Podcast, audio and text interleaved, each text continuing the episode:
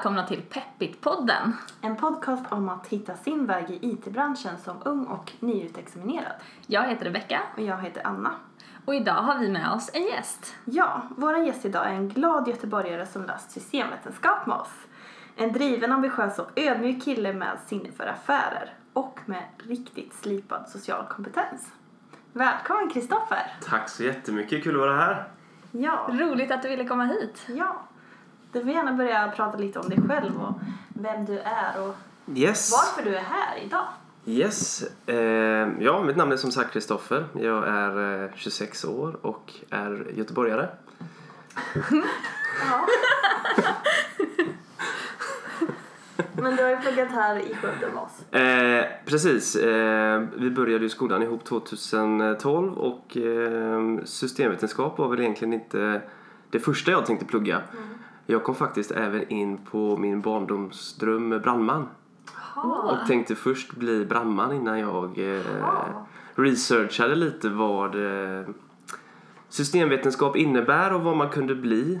Och eh, lockades väl mer och mer in i det ju mer jag eh, läste om tidigare studenter, vilka arbeten man kunde ha framöver och jag har haft ett IT-intresse eh, som när jag var ung som jag delade med min pappa.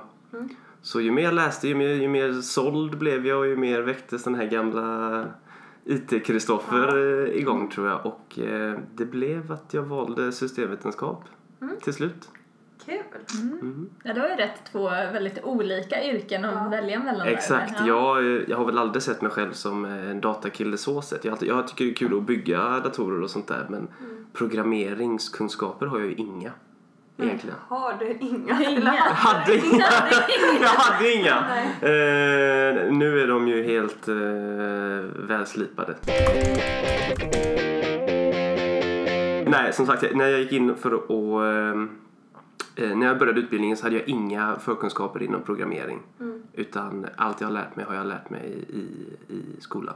Jo, men det var ju lite samma sak för oss nästan också. Att man inte hade så mycket förkunskaper. Men att man lär sig allting under utbildningen så man behöver ju inte kunna programmera innan. Nej, precis. Nej, precis. Man Men det får... känns som att det är många som inte har rätt bild av systemvetenskap förrän man börjar läsa. Eller typ förrän man är klar, det är då man har fattat typ. Mm. För det är en rätt häftig eh, grej att se. Vi var ju 60 stycken från början. Och hur många är vi som träffades igår på middagen för reunion? Det var 12 stycken. Ja, ja, vi kanske ska berätta för våra lyssnare att vi hade ju då en klassåterträff i, eh, igår kväll med ja, alla som läst och som egentligen är aktiva inom branschen liksom efter Ja. att de har läst programmet. Eh, Så det var ju intressant.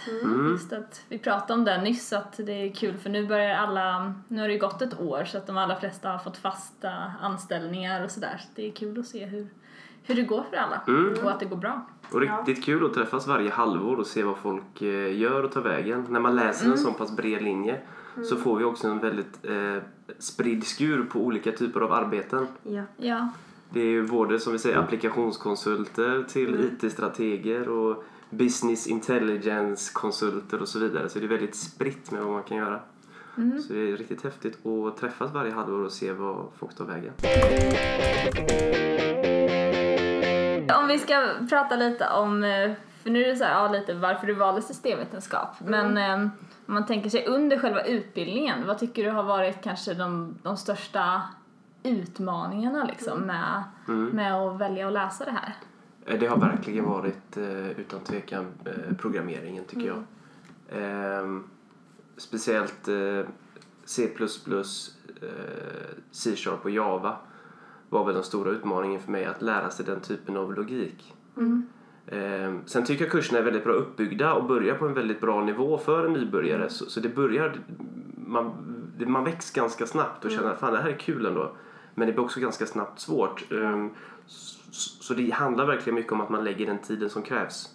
Direkt från början. Direkt från början, Ja. precis. Och då kommer man klara det. Eh, Man ska inte titta på första uppgiften och tänka ja, ja men det här var lätt och så tar man det lugnt sen. För det var det flera som gjorde vet jag. Och de klarar inte de sista uppgifterna. För det blev för svårt. Eh, och så var det för mig med. Det var väldigt utmanande, speciellt de första kurserna vi hade. För det var, det var helt nytt för mig. Jag har aldrig programmerat innan. Mm. Så det var verkligen, lägg ner tid och lite slit. Så kommer du lösa det. Och när du löser det, då är det det roligaste som finns.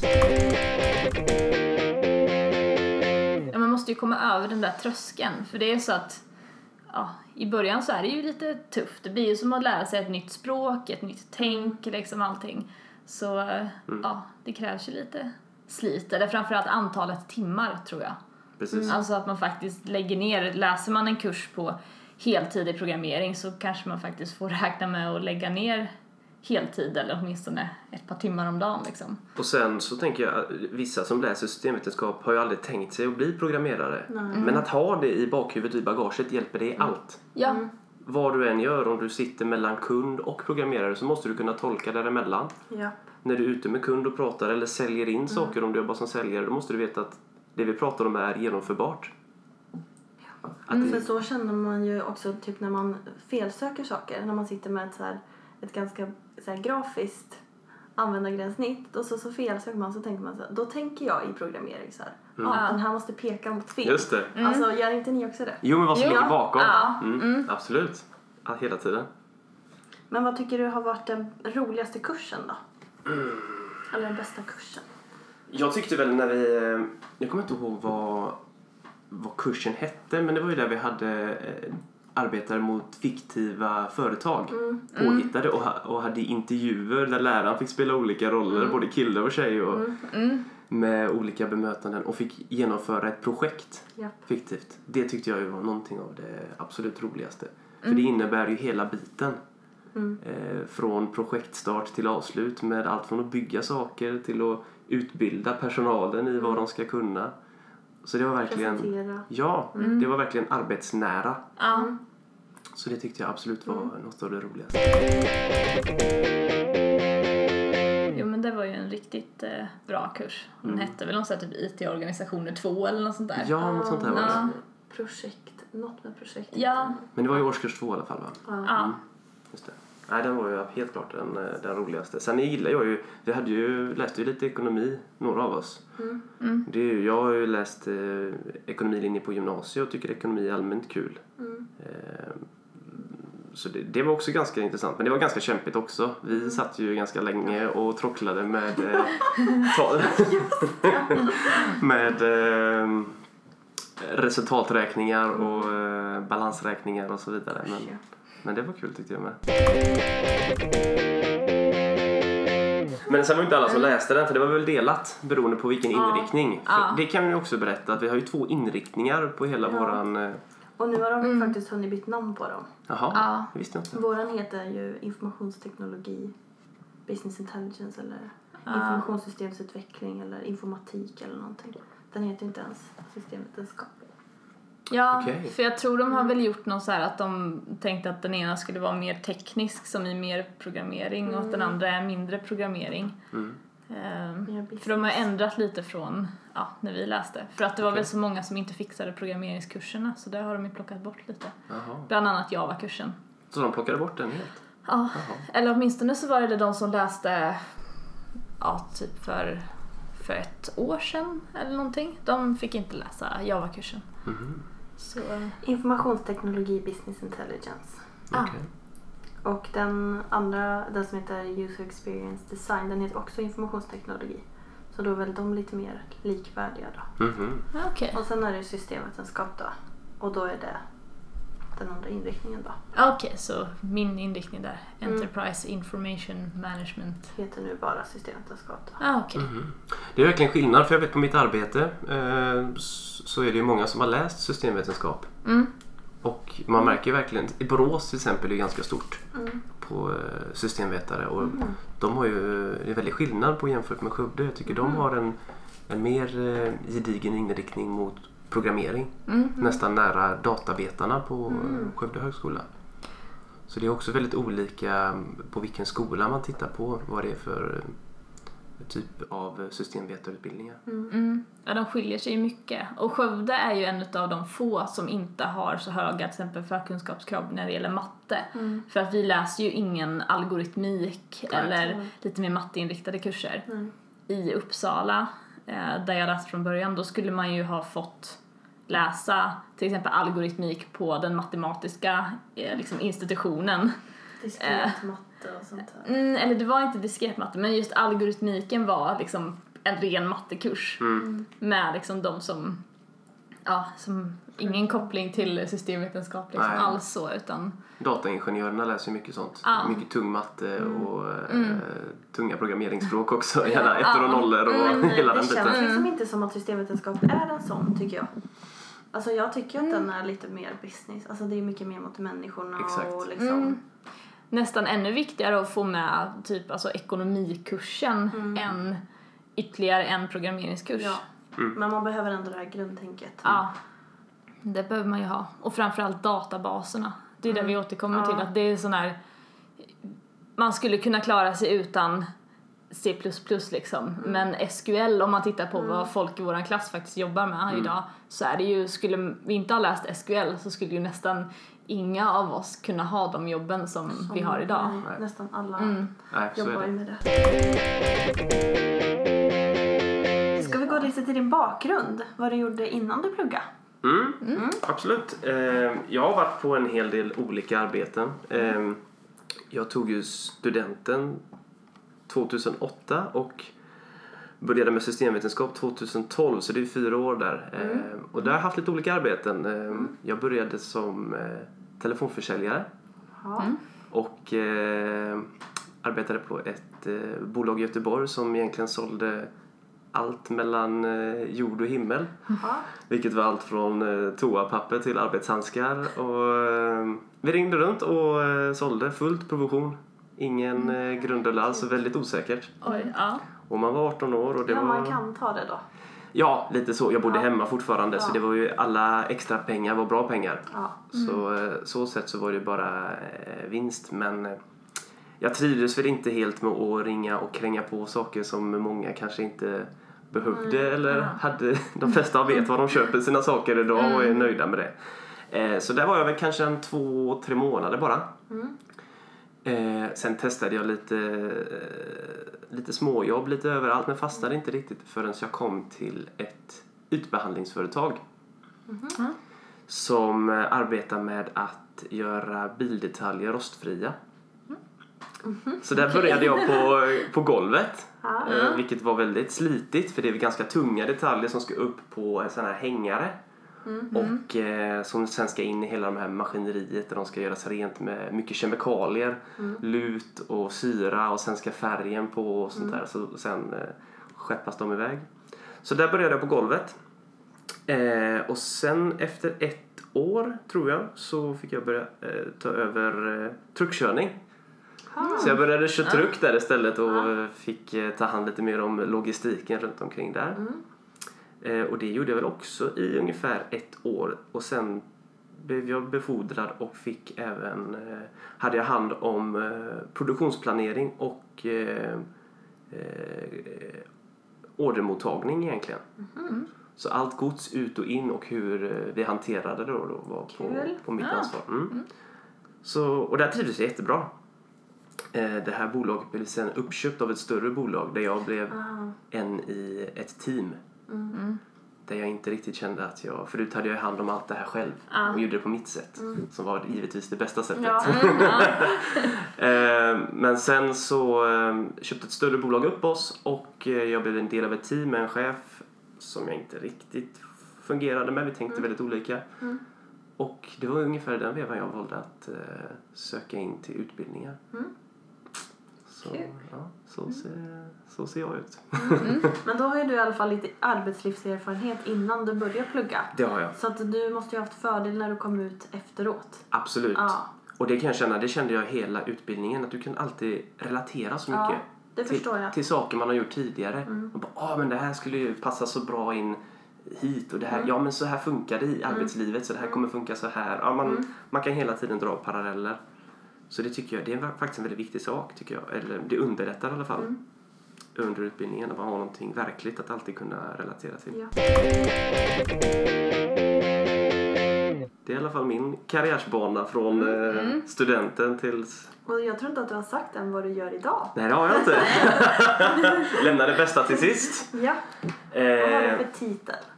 jag är anställd som eh, eh, Business Intelligence specialist. Coolt. Det är en cool Det är en titel. cool, det är en jäkligt cool Mm. titel. Eh, vilket då är BI-specialist. Och Mm. eh, roliga Göteborgskompisar till mig brukar ju skämta om jag är bra på getingar också när det står Mm. bi-specialist. Så eh, roliga som göteborgare är. Ja.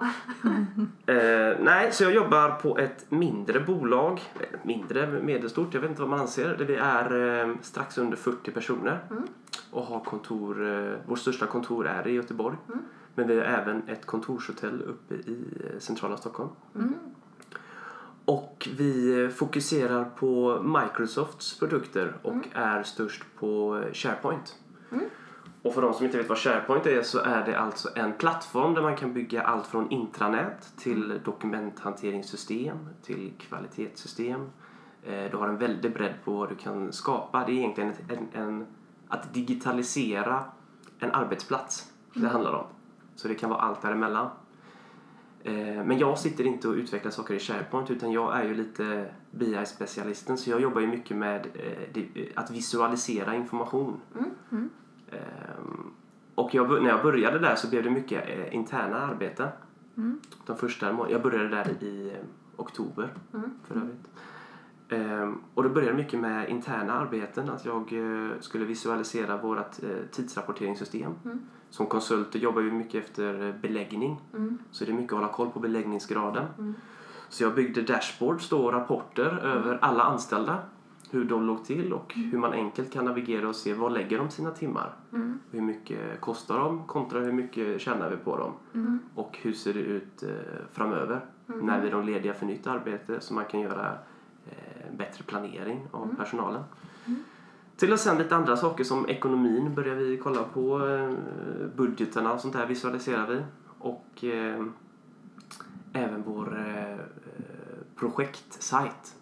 Alla projekt som vi får in eh, ska vi planeras in i, i olika eh, faser och så vidare. Som vi kör jobbar ju mycket agilt i Scrum. Vilket är att man hela tiden man delar upp projekten i mindre projekt och så gör man det i små iterationer så man tar ett projekt i taget. Eh, visualiserar allting. Det var lite så eh, det började. Eh, och jag är väl egentligen den enda på bolaget som sysslar med, med eh, BI. Så det blev ju att det vi skapade där, det har vi ju även visat för kunder och det var ju så vi fick eh, lite kunder som nappar på det här också. Så nu sitter jag ju med tre stycken kunder och eh, gör BI-lösningar. Kul. Så ja, det är väldigt kul. Det här är någonting som man har fått eh, arbeta fram själv och som har blivit lyckat och något som vi snart kommer erbjuda som en fulländad eh, produkt på företaget. Så så är det. Men jag har även börjat med någonting nytt nu på senast. Ja. Som jag kan ta lite snabbt för de som inte... Och det handlar mycket om eh, vad jag tycker är väldigt kul. Eh, Ja, automatisering Ja. och effektivisering av Alltså, saker. Effektivisera saker. ja, men det, Anna bara det är såhär hela leendet bara såhär åker upp till öronen typ. ja men alltså det är väl det bästa. Jag tycker det. Ehm, vi, vi sitter ju fortfarande i den här eh, digitala plattformen SharePoint och gör detta. Och ehm, vi använder någonting som kallas eh, Nintex. Och jag har nyligen börjat med det här bara sedan några veckor tillbaka så jag är fortfarande väldigt rookie. Men eh, handlar väldigt mycket om att all information som flödar inom företaget att bestämma hur, eh, hur den ska se ut och vart den tar vägen på effektivast möjliga sätt. Så ett projekt nu har varit till exempel semesteransökan. Att du enkelt på ditt in- intranätsportal ska kunna klicka ansöka om semester. Då ska den i automatiskt hitta vem är din chef, PAM. Eh, när vill du ha ledigt och orsak till ledighet. Och då ska mejlet gå till chefen där han godkänner eller avböjer. Och godkänner han, då ska det falla ut i flera olika kalendrar, vilket kan vara eh, din egen kalender, det kan vara avdelningens kalender eller teamets. Och lite så här, det är lite enkla grejer och det här kan man ju dra hur långt som helst sen. Eh, Så det är alla typer av flöden inom företaget som manuella rutiner som man vill automatisera. Så det är ungefär vad jag gör idag. Ja.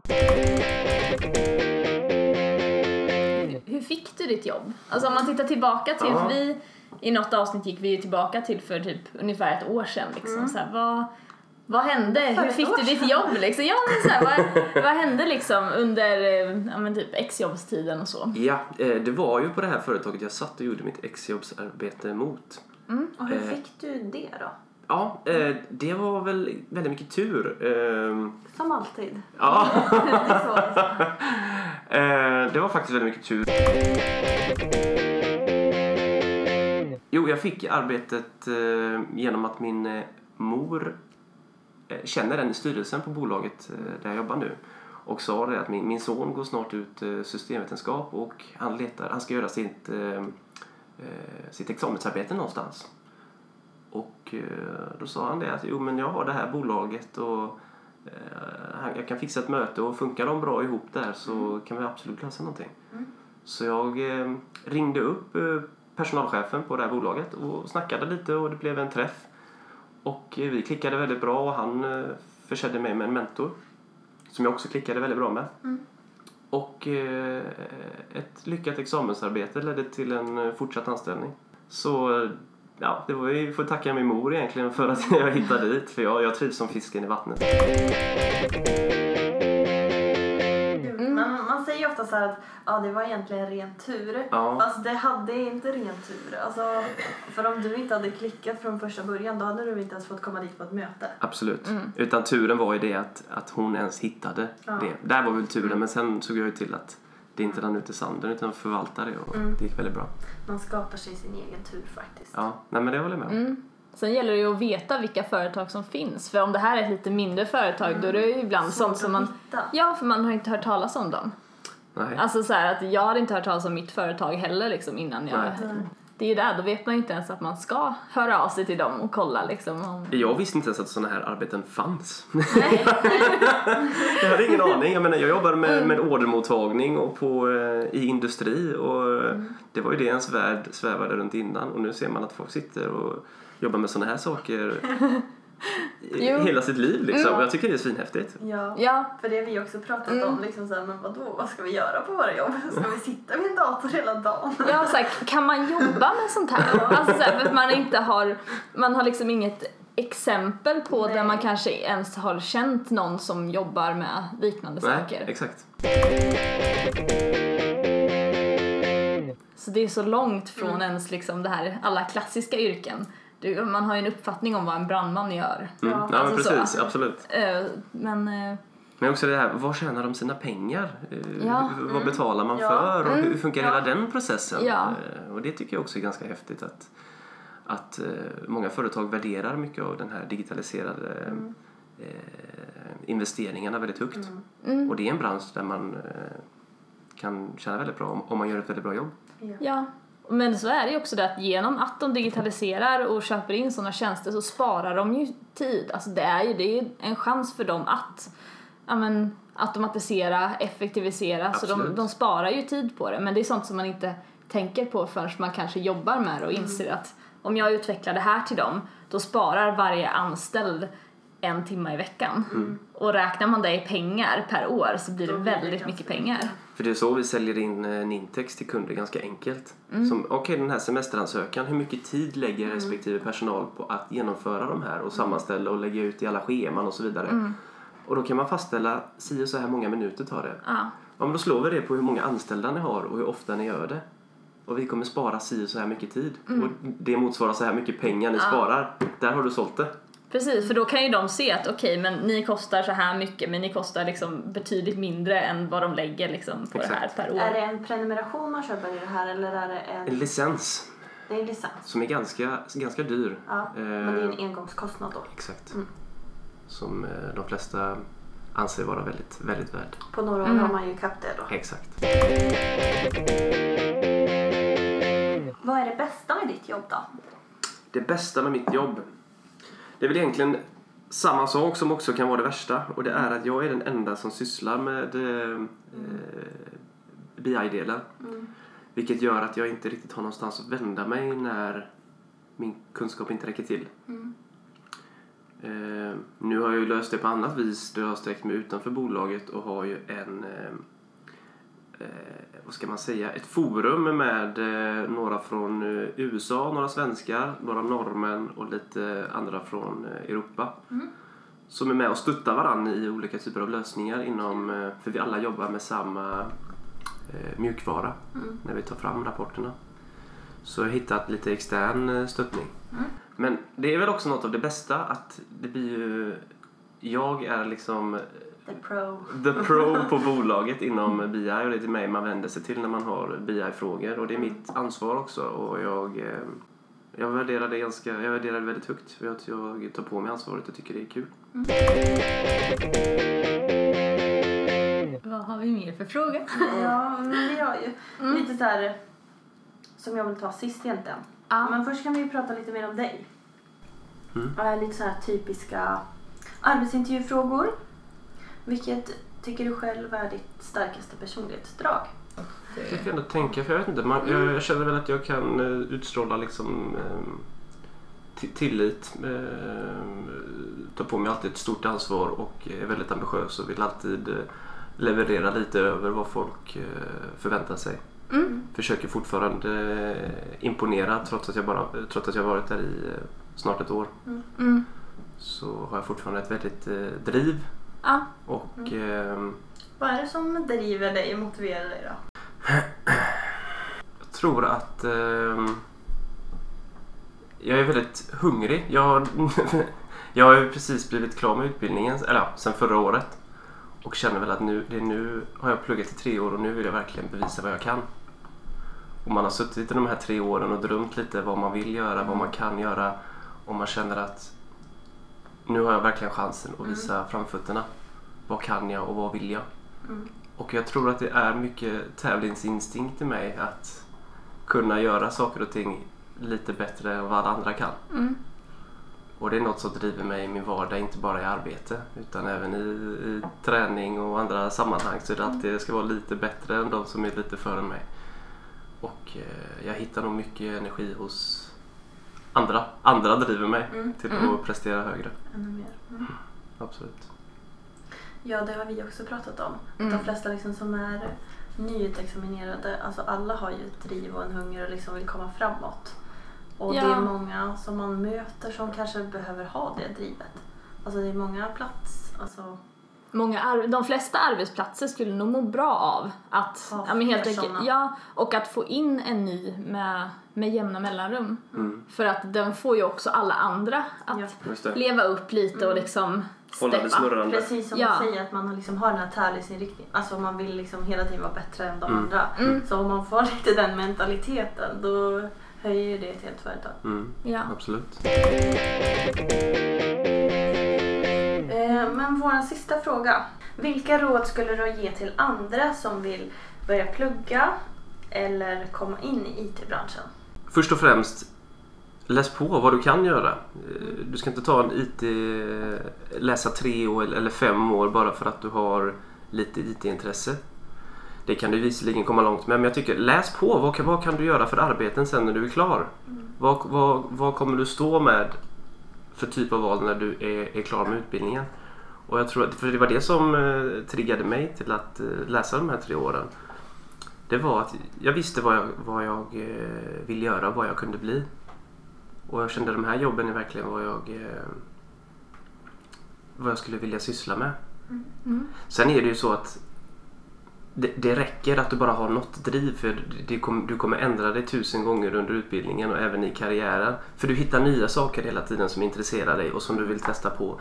Det, du kanske märker att du brinner lite för design. Eller du Mm. kanske märker åh jäkla programmering är, är riktigt kul. Eller projektledning. Du hittar alltid något.